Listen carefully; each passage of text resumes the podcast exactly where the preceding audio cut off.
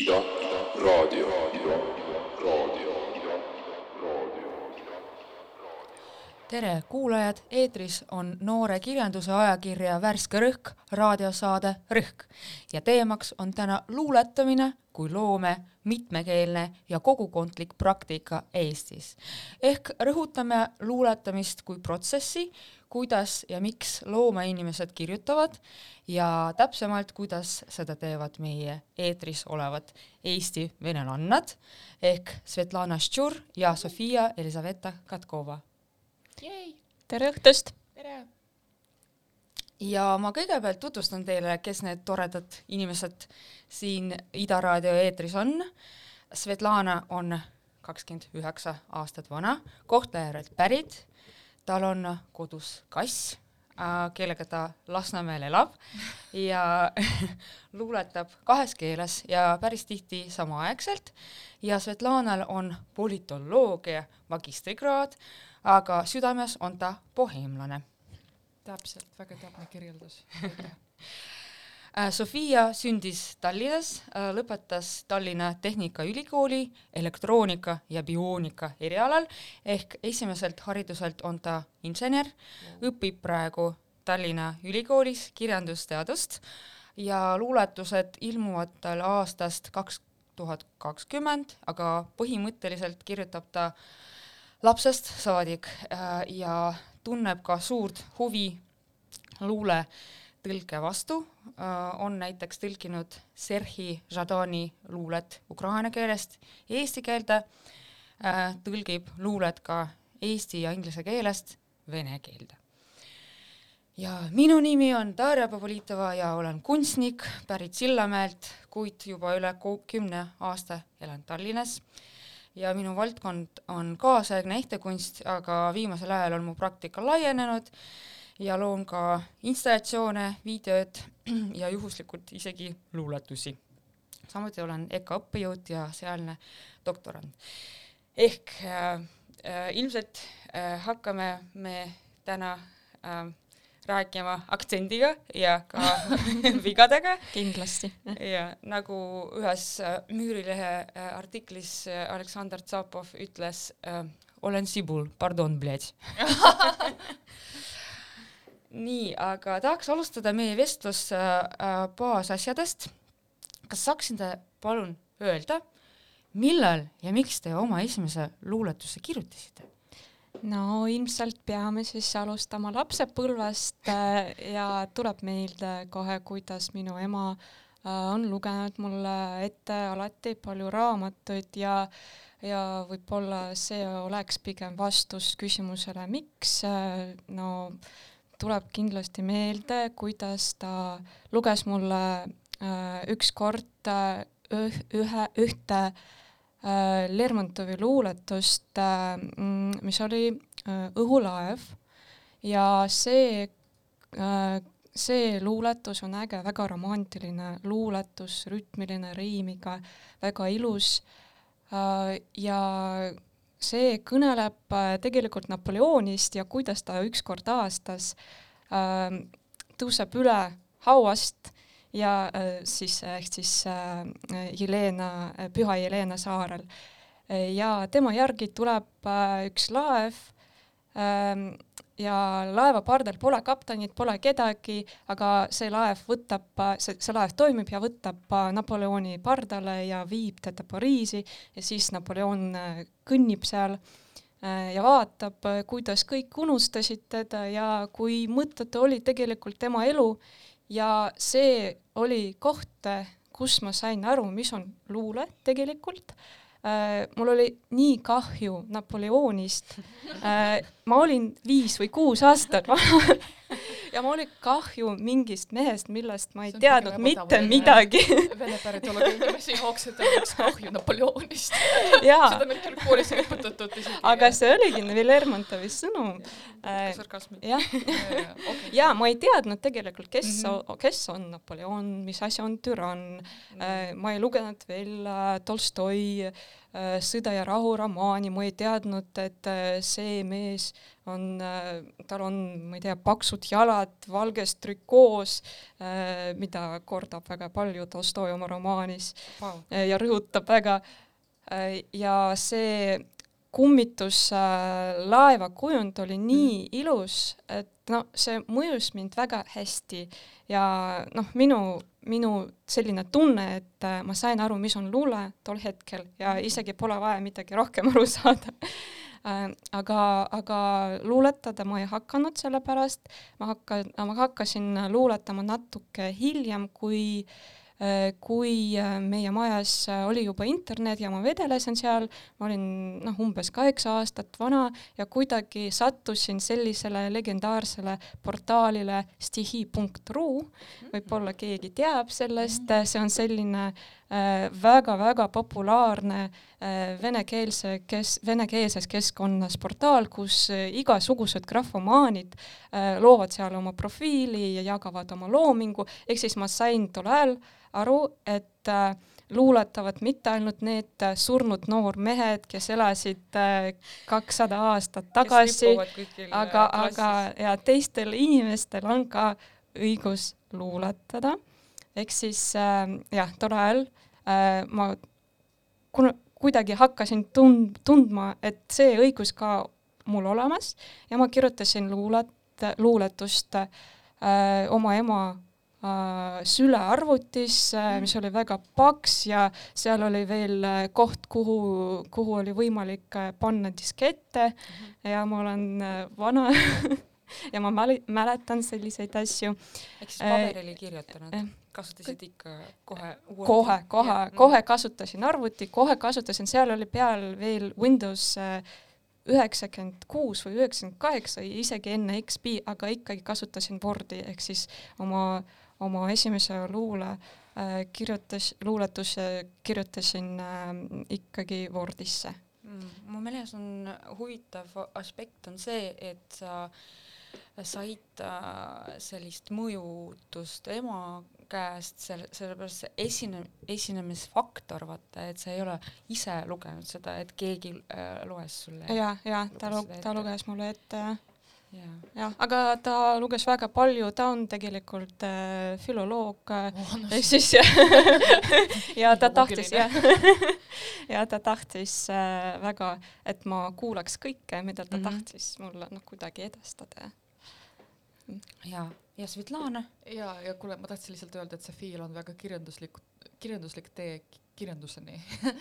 Et äh, ma ütleksin, et äh, äh, minu lugu on natuke võib-olla prosailisem äh, ma hakkasin kirjutama luuletusi mitmel põhjusel. esimene põhjus oli see, et ma olin nagu hullult nohik ja mul ei olnud äh, väga palju teisi väljendusviisi. teiseks äh,, kui ma olin teismeline äh,, ma olin hästi religioosne hmm., sest ja mu, mu perekond oli, oli usklik ja siiamaani on, mina enam ei ole. ja, ja siis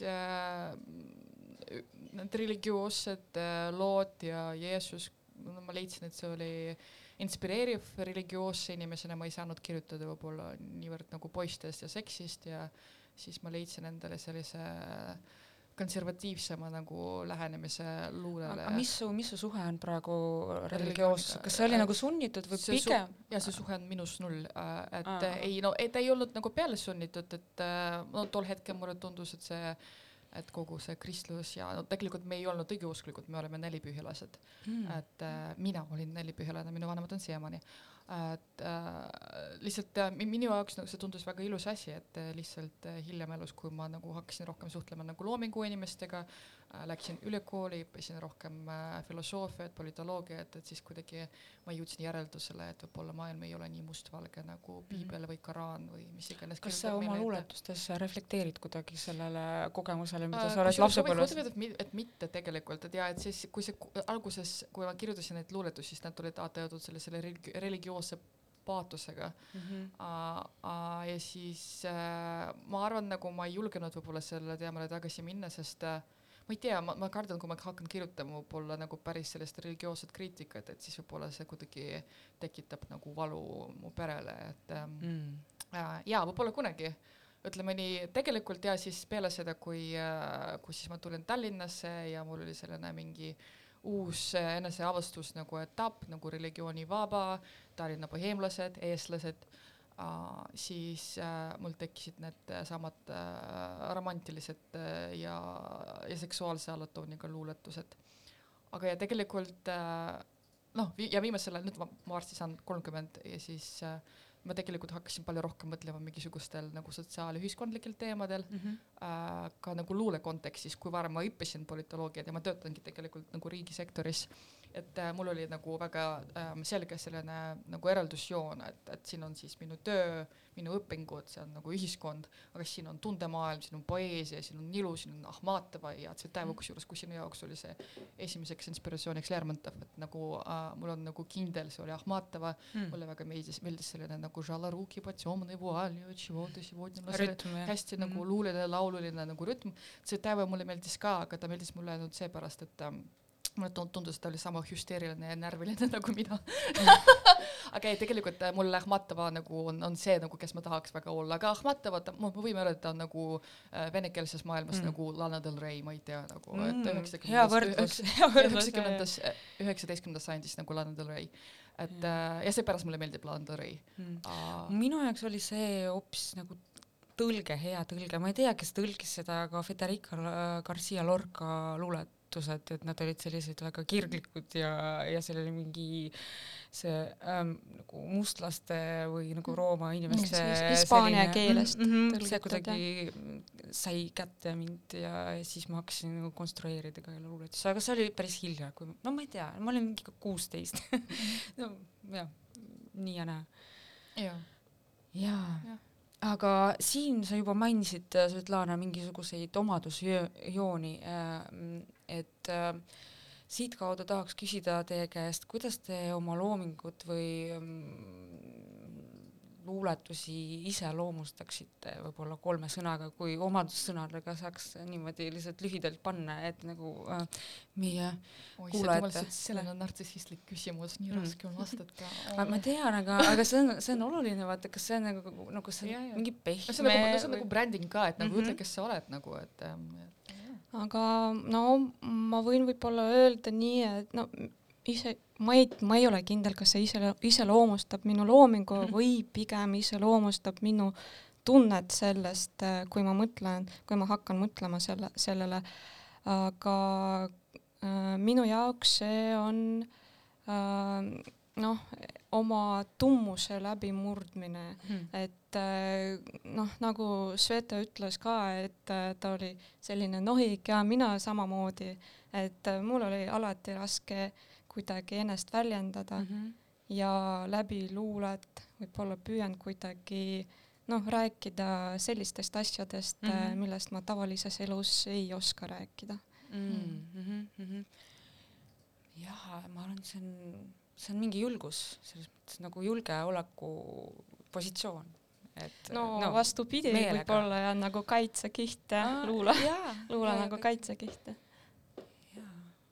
ei no looming kui selline, selles mõttes ta ühelt poolt ta kuidagi äh, nii-öelda äh, julgustab sind väljendada, sest nagu nohikuna olles äh, on suhteliselt raske ennast nagu mingi mugavustsoonist kuule, mul on teooria, ma, ma arvan tegelikult selliste tüdrukute nagu meie Sofiaga on tihtipeale see, äh, et äh, tegelikult ma arvan, me tunnetame endast nagu seda väga tugevat jõudu, et nagu tõuge, tõuge või tõuk nagu ja siis ähm, äh, nagu lihtsalt meie keha ja meie ümbruskonnad on niivõrd nagu teises energiatasandil ja tegelikult see on nagu ainuke viis, kus me saame nagu näidata, mis päriselt nagu keerleb nagu meie sees, sest tavaliselt nagu noh, see, mida nagu inimesed nagu on harjunud nagu äh, näha, kui nad suhtlevad meiega või mis nagu on oodatud meist, need nagu asjaolud on nii igavad ja nii nagu ärgipäevalised ja siis nagu, aga tegelikult see, mis nagu on meie seest nagu see on, see on kuum see pulbitseb, see on nagu fantaasialend, et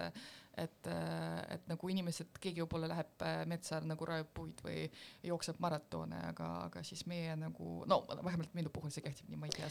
ja see kõlab, see kõlab jah, väga hästi jah ja, ja. Okay. ei, nagu ma mäletan, minu professor äh, Kunstiakadeemias kogu aeg ütles või mainis seda, et kunstnik peaks olema narr, et nagu just nagu seda ei tahaks, ei, ei, keegi ei taha olla nagu äh, keegi ei taha seda igavust, sa muidu see on mingi hambatu kunst, vaata mm. see peaks olema see peaks olema ikkagi midagi ei no mõned oskavad kirjutada nagu argipäevalisest nii, et nagu, et sa lihtsalt nagu sa mõtledki oh, oh my god nagu, et küll sa märkad neid detaile, et et no tegelikult see on minu, oli minu esimene nagu mulje mingi Eesti nagu luules, kui ma tulin nendele mingi siis äh, eestikeelsete mingi underground mingi kirjandusõhtutele ja see kirjandusõhtu viimane neljapäev, et minu jaoks oli hästi huvitav, et nagu Eesti noored luuletavad palju vähem nagu armastusest mm -hmm. ja palju tunde, tunnetasid palju rohkem nagu mingit sellest mingi õlu, õli, õlu, ma ei tea, pudel seisab laua peal ja ma ei tea, halb päev ja igavik, ma näen igavikku, mingi no, selline nagu äh, hästi sünge selline nagu põhjamaine nagu vibe. Ja, ja, ja ta on äh, hoopis nagu teistest asjadest, et, et tegelikult mi- minu jaoks nagu alguses oli natuke šokeeriv, aga siis nagu värskendas, ma sain aru, okei okay,, et siis äh, et nagu saab mõelda mitte ainult nagu armastusele, tore. jaa, aga teemadest rääkides äh, äkki oskate öelda palun, millest te tavaliselt kirjutate, et nagu need teemad, mida te käsitlete, et vaata noorena olid sellised võib-olla naiivsemad äh, vormikäsitlused äh,, aga vanusega tekkisid võib-olla teised huviorbiidid, et äh, saate täpsustada äkki? no minu jaoks äh, teemad äh, saavad olla absoluutselt erinevad, aga ma pigem mm. -hmm. ütleks nii, et, äh, et äh, äh, luuletused leiavad mind ise.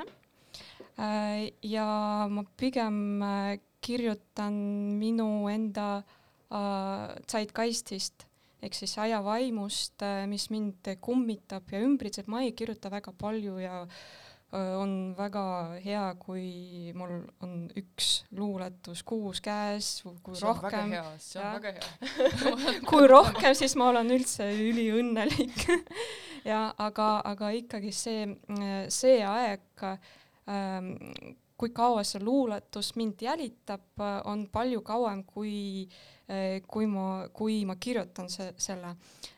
ehk siis äh, sa jä-, see jälitab mind nagu lumepall äh, mingi aega jooksul ja see võtab enda sisse igasuguseid asju äh, igasugused teemad, mis mind kummitavad, ärgipäevalised, äh, erinevad kujundid, erinevad mõtted äh,, erinevad, ma ei tea, kõnekatkendid äh, inimestega äh, ja, ja mina samamoodi jälgin seda lumepalli ja vaatan, äkki on aeg juba midagi, noh, kuidagi sellest lahti saada. ja noh, tegelikult teem-, teemad jah, võib-olla või võivad olla väga erinevad. issand, mulle nii meeldib, kuidas Sofia räägib sellest oma loomeprotsessist, see on omamoodi nagu looming, ma tahaks lihtsalt seda nagu record on nagu panna nagu kuulata. no nagu äh, kusjuures äh, võib-olla sul ongi, sul on ikkagi teatud teemad ja hästi konkreetsed või nagu seal mai numbris oli, et sa pühendad, sa pühendasid ühe luule keelele ja minu jaoks, et see, see on selline teatud fommaaž oma, oma nagu praktikale ja oma valdkonnale, sest si, see, need tekstiinimesed, kui nad kirjutavad midagi tekstist, vaata oma alast, see on ju, see tähendab väga palju, et nagu see, et sa kirjutad, et keel on minu kodu ma muudkui löön end vastu kodumaja nurki. Ja tegelikult ja seal ja.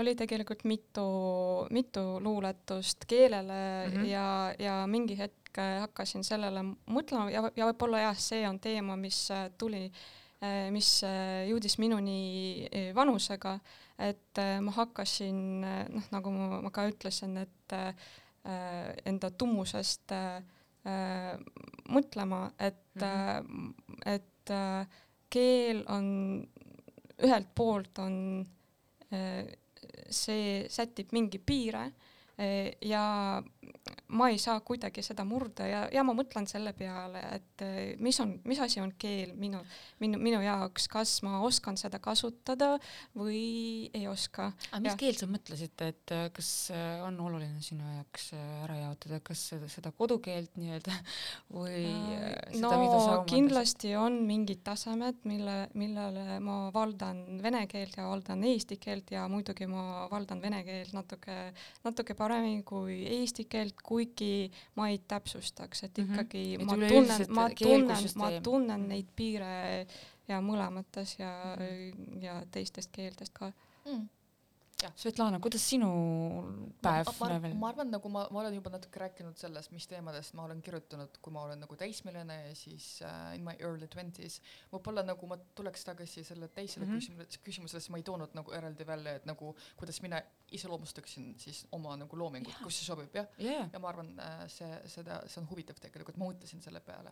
et äh, nüüd kohe viimase minuti jooksul, et äh, ma arvan äh,, et kokkuvõttes tegelikult see on minu jaoks päris hea selline reflektsiooni moment.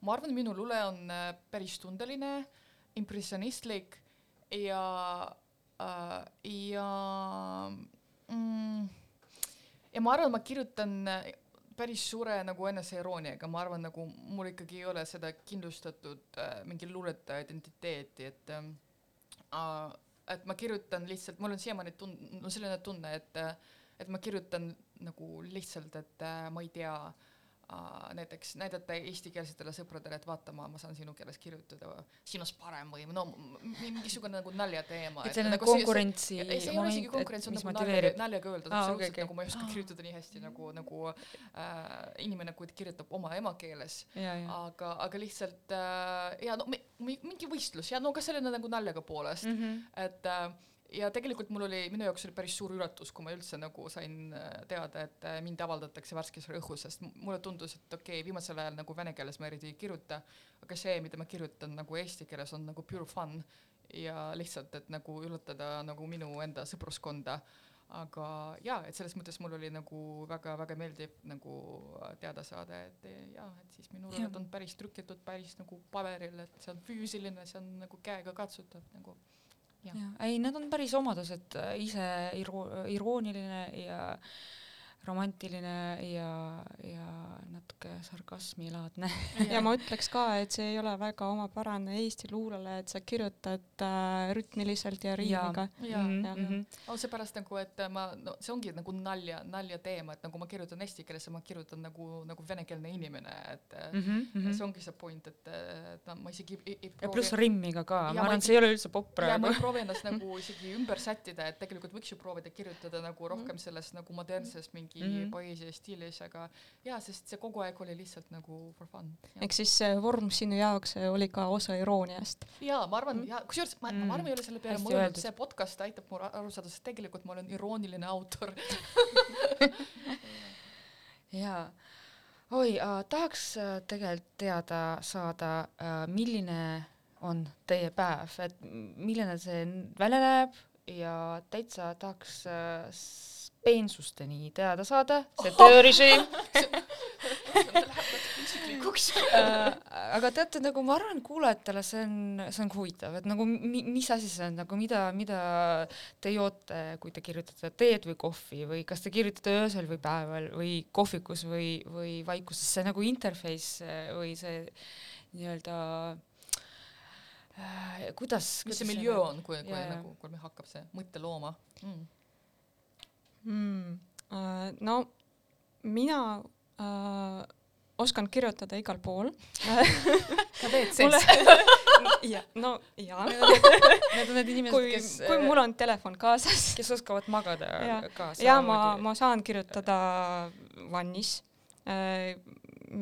ma saan kirjutada jalutades koeraga, ma saan kirjutada jalutades teiste inimestega ka tegelikult ma võin teha, ma saan teha äh, nägu, et mul on vaja sõnumitele vastata ja, ja hakata kirjutama kui sa teksti koeraga näiteks. jalutad, kas sa, sa siis äh, salvestad audiot äh,? Äh, mõnikord jah Mhm. mm -hmm., vahepeal, kui, kui mul on koer kaasas, siis on mugavam salvestada isegi kõnet, aga, aga tavaliselt ikkagi kirjutan äh, lihtsalt telefonis. jah, no ma ei tea, joon äh, tavaliselt pigem kohvi või vett. mulle meeldis see osa, kus sa ütlesid, et kirjutad vannis, ma küll nagu kohe kujutasin ette sind nagu Lana Del Rey'd, kes nagu mingi vann nagu see vaht ja, ja siis mingid roosi, need roosi nagu lehekesed ja. jaa, umbes Mhm. mm, Peaaegu. umbes niimoodi jah. ja. ja ma loodan, et sa elad Lasnamäel, siis would make, make ja ma sense. elan Lasnamäel. jaa, okei Äh, minu, minu kord jah. jah ähm,. Tegelikult ja nagu ma pigem nagu mul ei ole sellest nagu kirjutamisrutiini, kui ma otsustan, okei okay,, täna ma nagu istun rahulikult ja kirjutan ja siis äh, ei scroll'i Tiktoki ja ja lihtsalt olengi pühendunud nagu oma loomingule mm. -hmm. Äh, tavaliselt tuleb mingisugune emotsioon ja tihtipeale see tulebki väga nagu ettearvamatult nagu kohtades.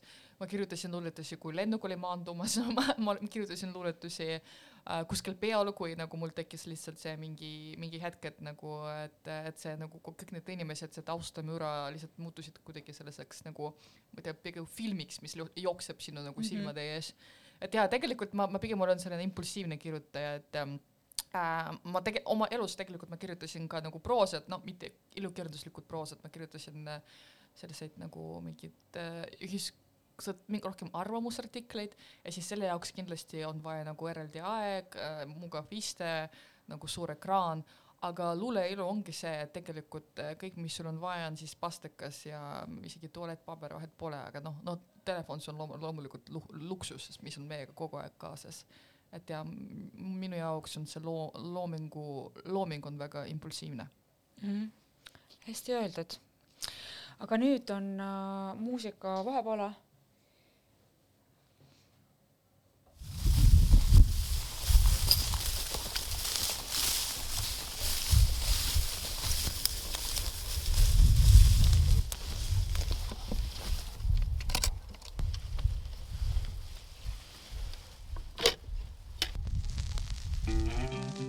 Твои вьются волосы цвета пшеничного колоса. Ты бежишь от меня по лесу Оставляя мне черную полосу. Я иду по твоим следам По пути меня рвет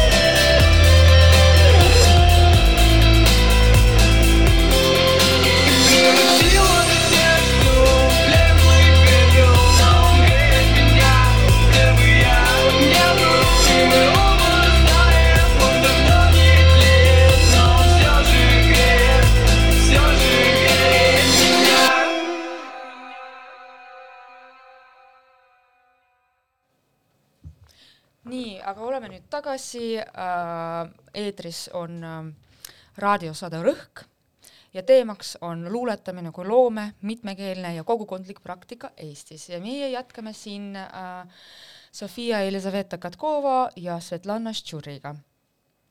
nii, aga Sofia, sina mainisid põlvkondade teemat meilis ja Eestis oli mitmekordne Vene okupatsioon ja seega on nende maade vahel juhtunud äh, majanduslik, territoriaalne, inimlik ja kultuuriline hõõrumine nii-öelda. ja kui vaadata konkreetselt seda ütleme, kultuurisfääri, siis on Eestis äh, üheksakümne mm, sajandi lõpul ja kahekümne algusel mõned nimed olid nii-öelda populaarsed äh, õhus ja suu peal, alates Ahmatovast äh, ja Severanini, kes on palju tõlkinud eesti keelde ja ka tagasi, ja kelle nimed on seotud ka Narva-Jõesuuga, tuntud kuurortiga tollase Peterburi intelligentsi jaoks, aga ka näiteks Eesti autorid tusavalis või puhkasid seal koos nendega, näiteks Tammsaare, mhm, ja kellel olid seal daatšad ehk suvilas, aga praegu vabas Eestis, et alates üheksakümnendatest ähm, on siia sündinud inimesi, kelle kodune keel on vene, aga kes on selle luulekoolkonna esindajad on ja kas saab rääkida üldse mingisugusest kirjanduse traditsioonist, mis on Eestis kujunenud ja tänu sellele omandanud teatud omapäre. ja kui te saaksite rääkida võib-olla neist omadustest või kuidas te üldse iseloomustaksite seda eesti-vene kirjandust wow.? Sofia, kõik see, silmad on ainult sinu peal, mul pole aimugi, ma ütlen ausalt, ei ole üldse kursis okay, äh, mm -hmm. ma mainisin seda sellepärast, et paar kuud tagasi mm -hmm. ma kuulasin äh, Loomingu raadiosaadet Klassika raadios ja seal oli intervjuu Aare Pilvega äh,, kes äh,, kelle käest küsiti, no kas on üldse tulevik eesti-vene kirjanduses või kirjandusele või mitte äh, ja ta vastas niimoodi pigem tsiteerides Igor, Igor Kootihi, et, äh, et see eesti-vene kirjandus nagu nähtus, äh, sellest saab pigem Äh, tulevikus lihtsalt eesti kirjandus, et järgmised põlvkonnad lihtsalt lähevad üle eesti keelde ja ongi kõik, et noh, nagu näiteks Svetlana äh, kirjutab juba eesti keeles, mina, mina olen pigem selline rudiment, kes kirjutab ei, ma, ma kirjutan segakeeles, et ütleme nii, mul on, mul on ikkagi ja, nagu referentsid jaa, äh, aga ja, ja ma, ma, mul on ka isiklik selline äh, Äh, no lugu, kuidas ma üldse hakkasin äh, natuke rohkem uurima ja lugema äh, seda, mis kirjutatakse Eestis vene keeles, et kolm aastat tagasi, kuna enne mul oli noh, suht pikk paus, ma ei lugenud mitte midagi, ei, kirjutanud ka, ma, ma õppisin äh, Tehnikaülikoolis, äh, töötasin insenerina, see oli väga raske ja, ja rohkem aega mul eriti teistele asjadele ei olnud. Äh, vot, aga kolm aastat tagasi ikkagi hakkasid need luuletuse tekstid uuesti ilmuma ja üks vene kirjanduskriitik Julia Podlubnova äh, Äh, kirjutas natuke väikest kommentaari minu tekstidest ja ta kirjutas umbes niimoodi, noh, siin äh, ta muidugi otsib veel äh, oma häält, aga on näha või tunda äh, Larissa Joonase ja Jaan Kaplinski mõju. ja see oli nii lahe kommentaar, sellepärast et ma ei teadnud äh,, ma ma, okei okay,, ma kuulsin nimi Larissa Joones, aga ma ei pole kunagi lugenud tol ajal tema tekste mm. -hmm. ja samuti Jan Kaplinskiga küll ma teadsin, kes see on ja lugenud no eestikeelseid tekste, aga mul polnud õrna aimugi, et ta on ka venekeelne mm -hmm. kirjanik. ta venekeelne luuletaja ja mm, -hmm. ja väga tähenduslik ja mm -hmm. tähtis äh, üldse nüüdisaegse venekeelse luuleprotsessile ja ma hakkasin natuke rohkem uurima peale, see oli nagu lähtepunkt, et äh, hakata uurima äh, seda, mis mind ümbritseb mm, -hmm. sellepärast et äh, äh, kui ma olin teismeeline ja ikkagi tundsin huvi luule vastu äh,, minu ümbruskond, noh, sugulased, vanemad, võib-olla mingid äh, äh, poisid ja nad äh, kuidagi äh, suhtusid kohalikusse kultuurisse äh, üle õla, on, on selline sõna? Ül- ülbelt äkki? no ja kuidagi nii, et, et äh, noh, mis asi on see eesti kirjandus ja seda enam eesti-vene kirjandus äh,.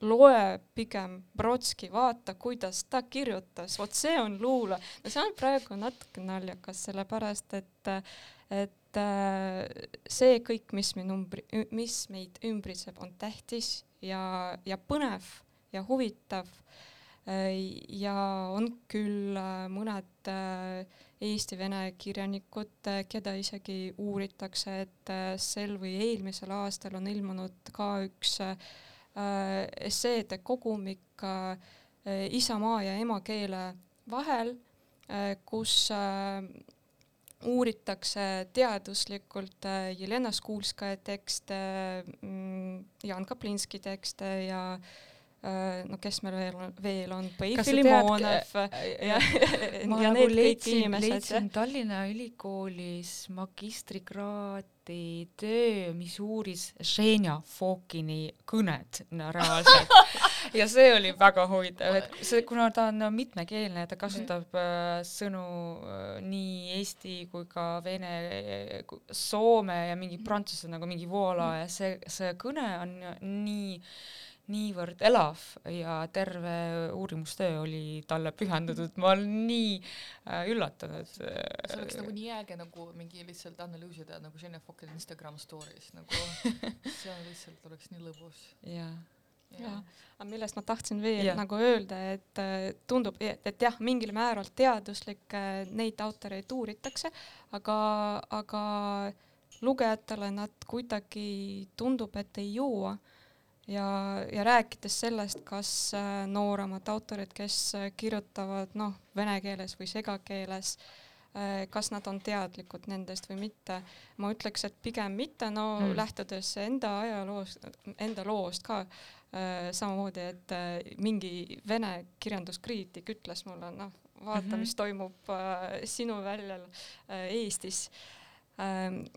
et pigem nad kuidagi jäävad nähtamatuks äh, Eesti lugejatele. No sinu puhul võib-olla see loominguline äh, impulss oli esimesena, vaata siis äh, ta oli olulisem, et, et see, see oli äh, põhjapanevam ja siis alles pärast äh, tuli see, tekkis see kontekst, et keegi, keegi võrdles sind, et nagu kuhu ka, et sa nagu said aru, kuhu, kuhu sa vaadata saad ja ennast kuidagi ennast paigutada. paigutada ja, ja et see genealo-, genealoogiline mingisugune paigutus, mis on oluline jaa, jaa. jaa, ma nagu nende autorite osas mul ei ole nagu palju kaasa rääkida, need ongi, see ongi see nimekiri, mingi Skulskaja ähm,, ma ei tea, kes need olid, tegelikult veel on üks nagu autor, ma, ma tean, et Sobtšak tegi temaga intervjuud nagu talvel, ma ei mäleta, see on, ta on sündinud ja kas- äh,, Tartus ja ta on üles kasvanud Tartus ka, aga ta kolis Venemaale, kui ta oli hästi noor.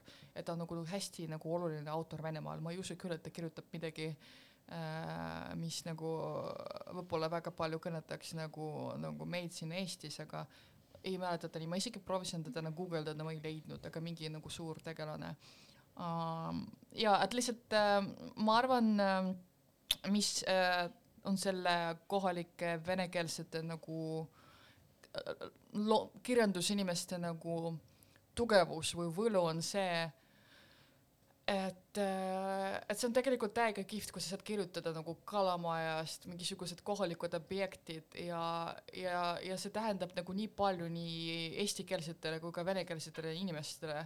See on nagu, kui sa ütled, ma ei tea, paelaad, et, et nagu enam-vähem nagu samad nagu mingi visuaalid tekivad nagu nii mm. eestikeelsel eestlasel kui ka venekeelsel eestlasel ja tegelikult äh, kui me räägime sellest nagu meie kirjanduslikust nagu siseturust nagu Eestis aga kui me räägime nagu laiemalt tegelikult, mida saaks nagu siis äh, vene taustaga äh, venekeelse taustaga Eesti loomeinimene pakkuda maailmale, no ikkagi sama, et meil on selline unikaalne perspektiiv, et me oleme nagu ikkagi äh, sellised ka nagu üsna põhjamaised ja, ja see nagu ma arvan, et pigem võib-olla kontekstuaalseks, kontekstuaalselt oleks õigemini rääkida idaeurooplastest, vaata. et nagu see on mingisugune võib-olla jaa, Ida, Ida-Euroopas ka laiemalt jälle, aga näiteks ma, mis ma nagu ma arvan, tegelikult on vene lastel Venemaalt oleks nagu väga huvitav lugeda, mida kirjutavad nagu venekeelsed nagu Eestis, siis tegelikult meil on küll ikkagi noh, mingisugused sarnaseid nagu mälestusi, et see, mis salatid me sööme nagu, kui me tähistame uut aastat, kes meie jaoks on, on tähtsam nagu uus aasta või jõulud, et tegelikult me saame refereerida mingisugustele ühistele äh, asjadele nagu meie sellest koloniaalsest minevikust, aga samal ajal nagu tegelikult äh, me oleme ikkagi imbunud sisse nii palju seda kohalikku kultuuri ja siis, kui noh ähm,, kui sul on vedanud, siis äh, sinu nagu sõpruskond on nii ka eesti, venekeelne kui ka inglisekeelne, mis tegelikult ei ole nii äh, tihe nähtus kahjuks Eestis, et uuringud näitavad, et äh, kogukonnad äh,, olenemata selles, et nagu venekeelsete äh, eesti keele oskus on nagu, on, on tunduvalt paranenud aga kui me räägime nagu selle suhtlusvõrgust, võrgustikest, et ikkagi jätkuvalt nagu eestlased hängivad enamasti eestlastega mm -hmm. ja venekeelsed nagu hängivad ma nägin seda statistikat ja, ja et see on nagu, see on kurb, et selles mõttes mina küll nagu tunnen nagu teatud privileegi, et et ja see oli puhas juhus, et lihtsalt, et ma sattusin just nagu Eesti, nagu tegelikult ma, mul on see et ma ei nimeta nagu kohalikke venekeelseid inimesi venelasteks, kui nad ise defineerivad e-, endast nagu niiviisi nagu vanem põlvkond, ma ei saa, ma saan aru, aga näiteks minu jaoks, kui sa oled nagu sündinud Eestisse ja siis minu jaoks oled, kui sa tahad rõhutada seda nagu ve-, vene, mingisugust venekeelset nagu identiteedi, siis minu jaoks oled nagu venekeelne eestlane. aga ma arvan, et minu põlvkonna inimesed saavad ikkagi vabalt rääkida ennast nagu, et me oleme eestlased, et ma saan aru, see tekitab nagu küsimusi Äh, inimestel, et eriti siis, kui nad kuulavad, et sa räägid aktsendiga, aga minu kui sa oled äh, välismaal, kas sa ütled, et sa oled eestlane või jaa, absoluutselt, nagu siis neil isegi tekib küsimus well, that is complicated. No,.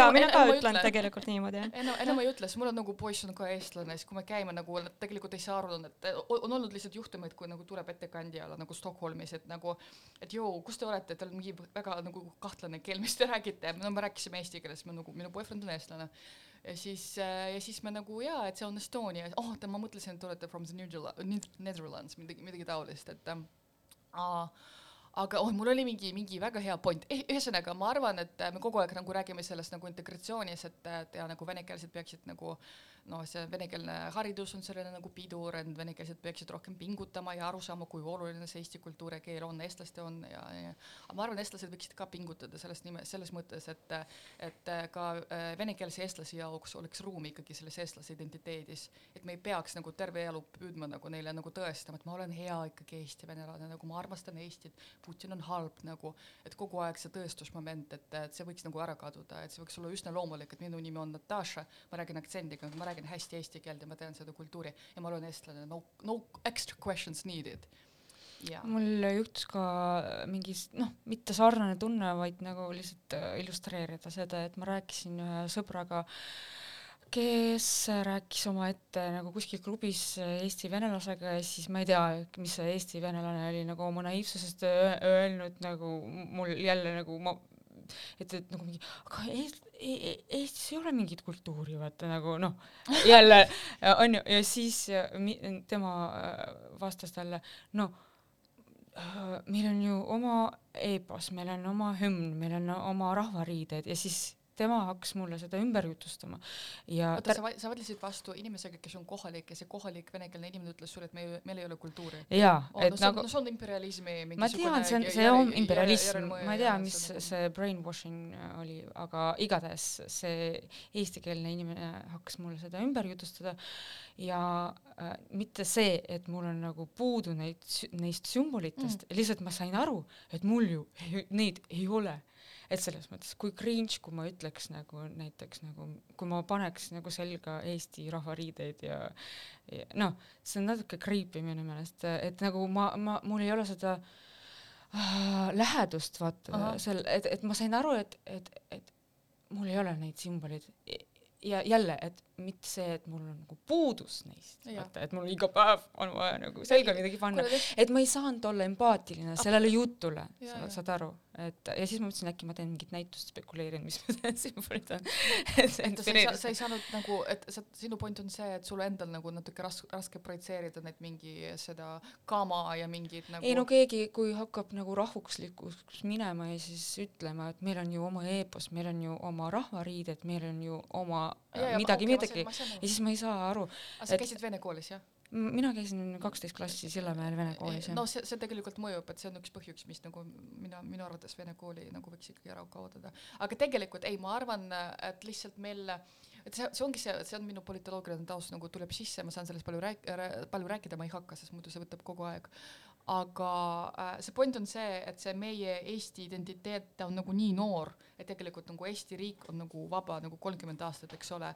et lihtsalt see, et alguses, mis on meil tekkinud, oli selline nagu vastu, vastuidentiteet, et nagu me raudselt ei ole nagu siin Venemaa, me oleme nagu Euroopa ja seepärast nagu, et rõhutati palju rohkem selliseid nagu mingi äh, Kalevipoja ja need teisi mingi Eestimaa ja Eesti süda, aga tegelikult äh, ma arvan, mida rohkem need, see venekeelne osa sulandub nagu Eesti ühiskonda, meil tekib rohkem selliseid nagu ühtseid sümboolikat, mis ei tundu mitte kellelegi cringe nagu, et, et see on nagu lihtsalt nagu aja küsimus. jaa jaa, aga mitmekeelsusest rääkides äh, äkki äh, äh, demonstreerime ise ja illustreerime seda oma luuletuses ja siit kaudu ma palun teid äh, lugeda äh, oma tekste. okei okay,, ma loeks äh, üht teksti ette, aga ma mõtlen, et ma pean natuke sellest ka rääkima enne, sellepärast et äh, ma tean, et see tekitab küsimusi. Ähm, ja esimene kord, kui ma lugesin äh, seda ette, see oli Roroos Narvas ja, ja sain sellist tagasiside, et äh, no kuule, siis tundub, et sa ajad siin mingi vihakõne, noh, tagastes meie teemasse. Äh, ja tegelikult see luule on kirjutatud ühe maratooni jaoks koroona ajal ja selle maratooni käigus me kirjutasime noh, erinevatele teemadele ja üks teemadest oli vaikus. nõukogu aegsel luuletajal, luuletajal Leonid Portõnevel on selline äh, luuletus äh, Rikati Šõna ehk siis äh, Jigi, Jigi Tišõna, mis tähendab vaikus. ja siin see, sellest mõttest sai lugu, kuidas B-häälikust saab B, Birgittast B, Pirita. see on nagu hamburger ja, ja hamburger ja, ja Harry Potter ja Harry Potter jah. Ja siis äh, kloostrist Jigi ehk siis äh, luuletus pealkirjaga Pirita higi. mitu kilomeetrit, äh, peaaegu kümmekond meie getost Birgittasse ja Birgittat pole kuulda, isegi öösel, kui jäätab.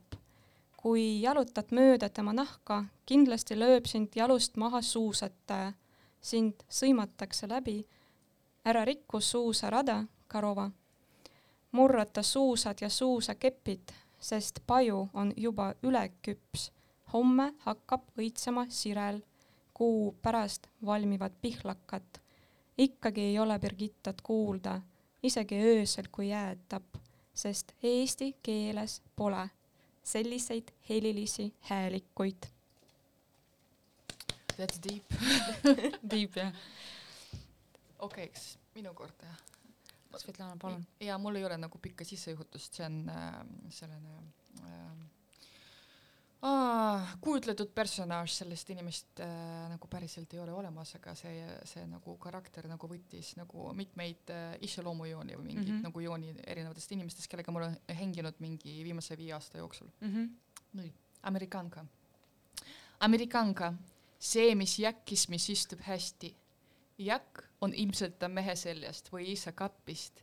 Amerikanka suitsetab nii, et ruumis polegi õhku madala häälega räägib minuga ja paneb nimele rõhku. Amerikanka, blondid juuksed on sassi läinud, humana käekotist võtab lohakalt Chanel Rouge välja. Amerikanka elab Lasnamäel ja on käinud Narvas. Naeratades Balti jaama turul kõigele Spasibo, Pažalusta. Amerikanka on Tšehhovist vaimustuses ning loeb Buninit. talle on teiseks isaks ammudest aegadest Boris Akunin Amerikanka kuulab Nautilus ja palub mu käest tõlget, käib äkka loengutest paeladel ostetud kleidiga ringi. Amerikanka job ennast sageli purju ta lemmikbaaris, karjub, et viib mind järgmisel reedel otse to Paris. Amerikanka sosistab kirglikult, et olen Natasha, Natasha Rostova. ma helistan teatud numbrile ning palun viita koju Vova. amerikanka kirjutab sõnumeid siis, kui pidu on läbi, et ta väärtustab mind ning tal on äh, eilsega seoses häbi. amerikanka jagab, et parim seks oli tal naisega Sotšis. kirjutan vastu telegrammis. Cherish, darling, spokojne notši. Väga palju viiteid ja, ja väga Lana Del Rey'lik. intertekstuaalne ma olen kindel, et jah. olete kõik näinud selliseid äh, amerikankasid äh, Balti jaama kandis. aitäh, nii, mina nüüd äh, oma palaga ka ähm, tulen, astun ette ähm,. see oli siis, kus oli see mul ah,, see oli minu ühe äh, kunsti ähm, installatsiooni raames, see oli trükitud äh, seelikul ja seal ma uurisin neid nagu mingi hübriidmomente eesti ja vene keele vahel ja luule nimi on äh, Eestlane. mina olen eestlane. ütlen vanadele retuusidele lihtsalt tšau pakka. integratsioon, kakia seksuaalne kingad. rabarbar maksab. Davai, maksuid tingi. sularahi nii et но есть küsimusi . Бля , что такое ? Где пальк ? На Балтияме или в Кескусе ? Там , где сок в топсике . mis on meie järgmised business-plaanid , palun ? Положить себе isикукод в голову и кандидировать на товар . Товар – dressики . tavaliselt tema laob pagasnikusse rassolnikud , siis täna mina laon erinevaid hunniake . see on nii tore ja rääkides äh, üldse mitmekeelsusest, ma arvan, et äh, no päris mitmekeelne luuletus äh, meie hulgast on, et see on Darjal. jah, ja, jah, on- sellepärast, ja et see jah. põimib, see põimib keeli tegelikult, et meil Svetal on nagu no mingi sõna äkki kuidagi sattus luu, luu, luuletusele, aga sinul on tegelikult need kaks keeli on võrdsed ja kuidagi toimivad omavahel, põimivad ja, ja toimivad koos. See nagu see kontrats-, kontsentratsioon on, on nii suur, et äh, see nagu kõike nagu tšuk-tšuk-tšuk. aitäh äh, reflektsiooni eest, aga ma arvan, nüüd on aeg panna meie viimast lugu ja keerata kokku.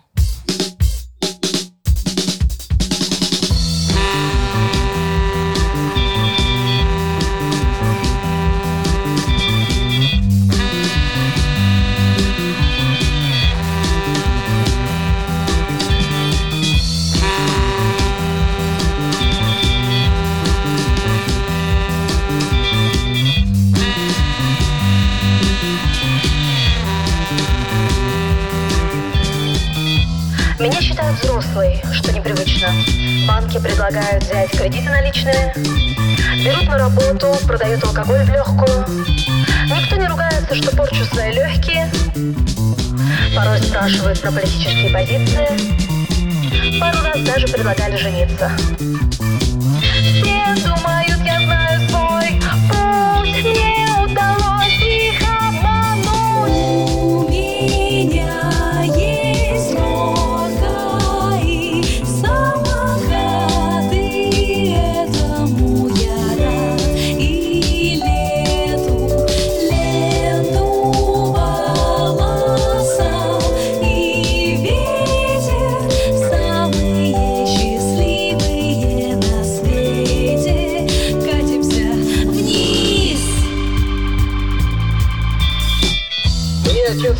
Посмотри, где был я и где ты в свои 23.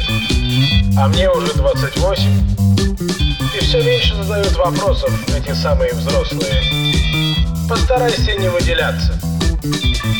Пусть думают все, что нам 18. На уме только платье и то, что под платьем. И на все наплевать нам. Пока не стукнуло 30, надо перебеситься, а потом как пойдет. Все думают, я знаю свой путь. Мне удалось их обмануть.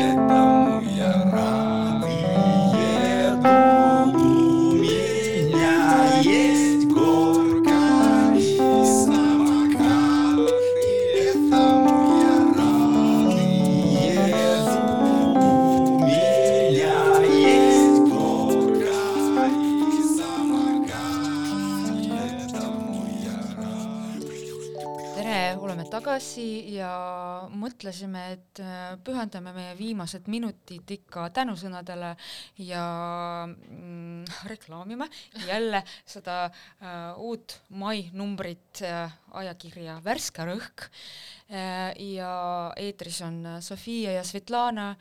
Äh, Teie olete, teie luuletust on ilmunud siin numbris ja äh, aga äh, me ei rääkinud näiteks tõlkijatest ja toimetajatest, kes äh, on jäänud äh, natuke tagaplaani, aga nad on väga olulised inimesed alati, sest nagu ilma toimetajateta ei ilmu mi mi mitte mingi head teksti ja ma olen ülitänulik, nad on minu üliinimesed äh, ja ma olen väga tänulik oma tõlkijale, kes näitas mulle, kui äh,, kui hästi või ei ole või mitte nii hästi ma valdan enda keelt äh,, näitas mulle, kui erinevate kohtade, kus äh, ma ei näinud isegi kahe tä- tähenduslikku või mõned sõnad, mida ma valesti isegi kasutasin oma keeles Eh, see oli väga-väga tore kogemus tegelikult ja toimetamise kogemus, rääkides mitmekeelsusest, et, ikkagi min- mingil määral ma sain sellest aru, mida ta tõlgis.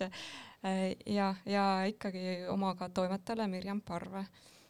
aitäh nendele., mina siis ütlen äh, tänusõnad Saara Lotta Linnole, kes on äh, ka aitas mind sealhulgas toimetamisega, mul oli veel üks toimetaja, ma ei mäleta, mis ta nimi oli, aga suur tänu sulle, hea inimene mm. -hmm. et, et ja ikkagi tegime need äh, luuletused paremaks ja, ja muidu, et äh, kui teile meeldib, kallid kuulajad, kui teile meeldib äh, ilus graafiline disain, Mm -hmm. isegi kui teile nii palju ei meeldi meie luuletused, ma ikkagi soovitan teile soetada nagu värsket õhku, sest siis just see maikuu number on äh, mega nunnu LGBTQ friendly nagu disainiga, et nagu soovitan äh, väga-väga ilus sellise kohvilaua nagu raamat äh,, toetage siis äh, noori autoreid ja saate endale vastutasuks äh, häid luuletusi ja ilusat disaini.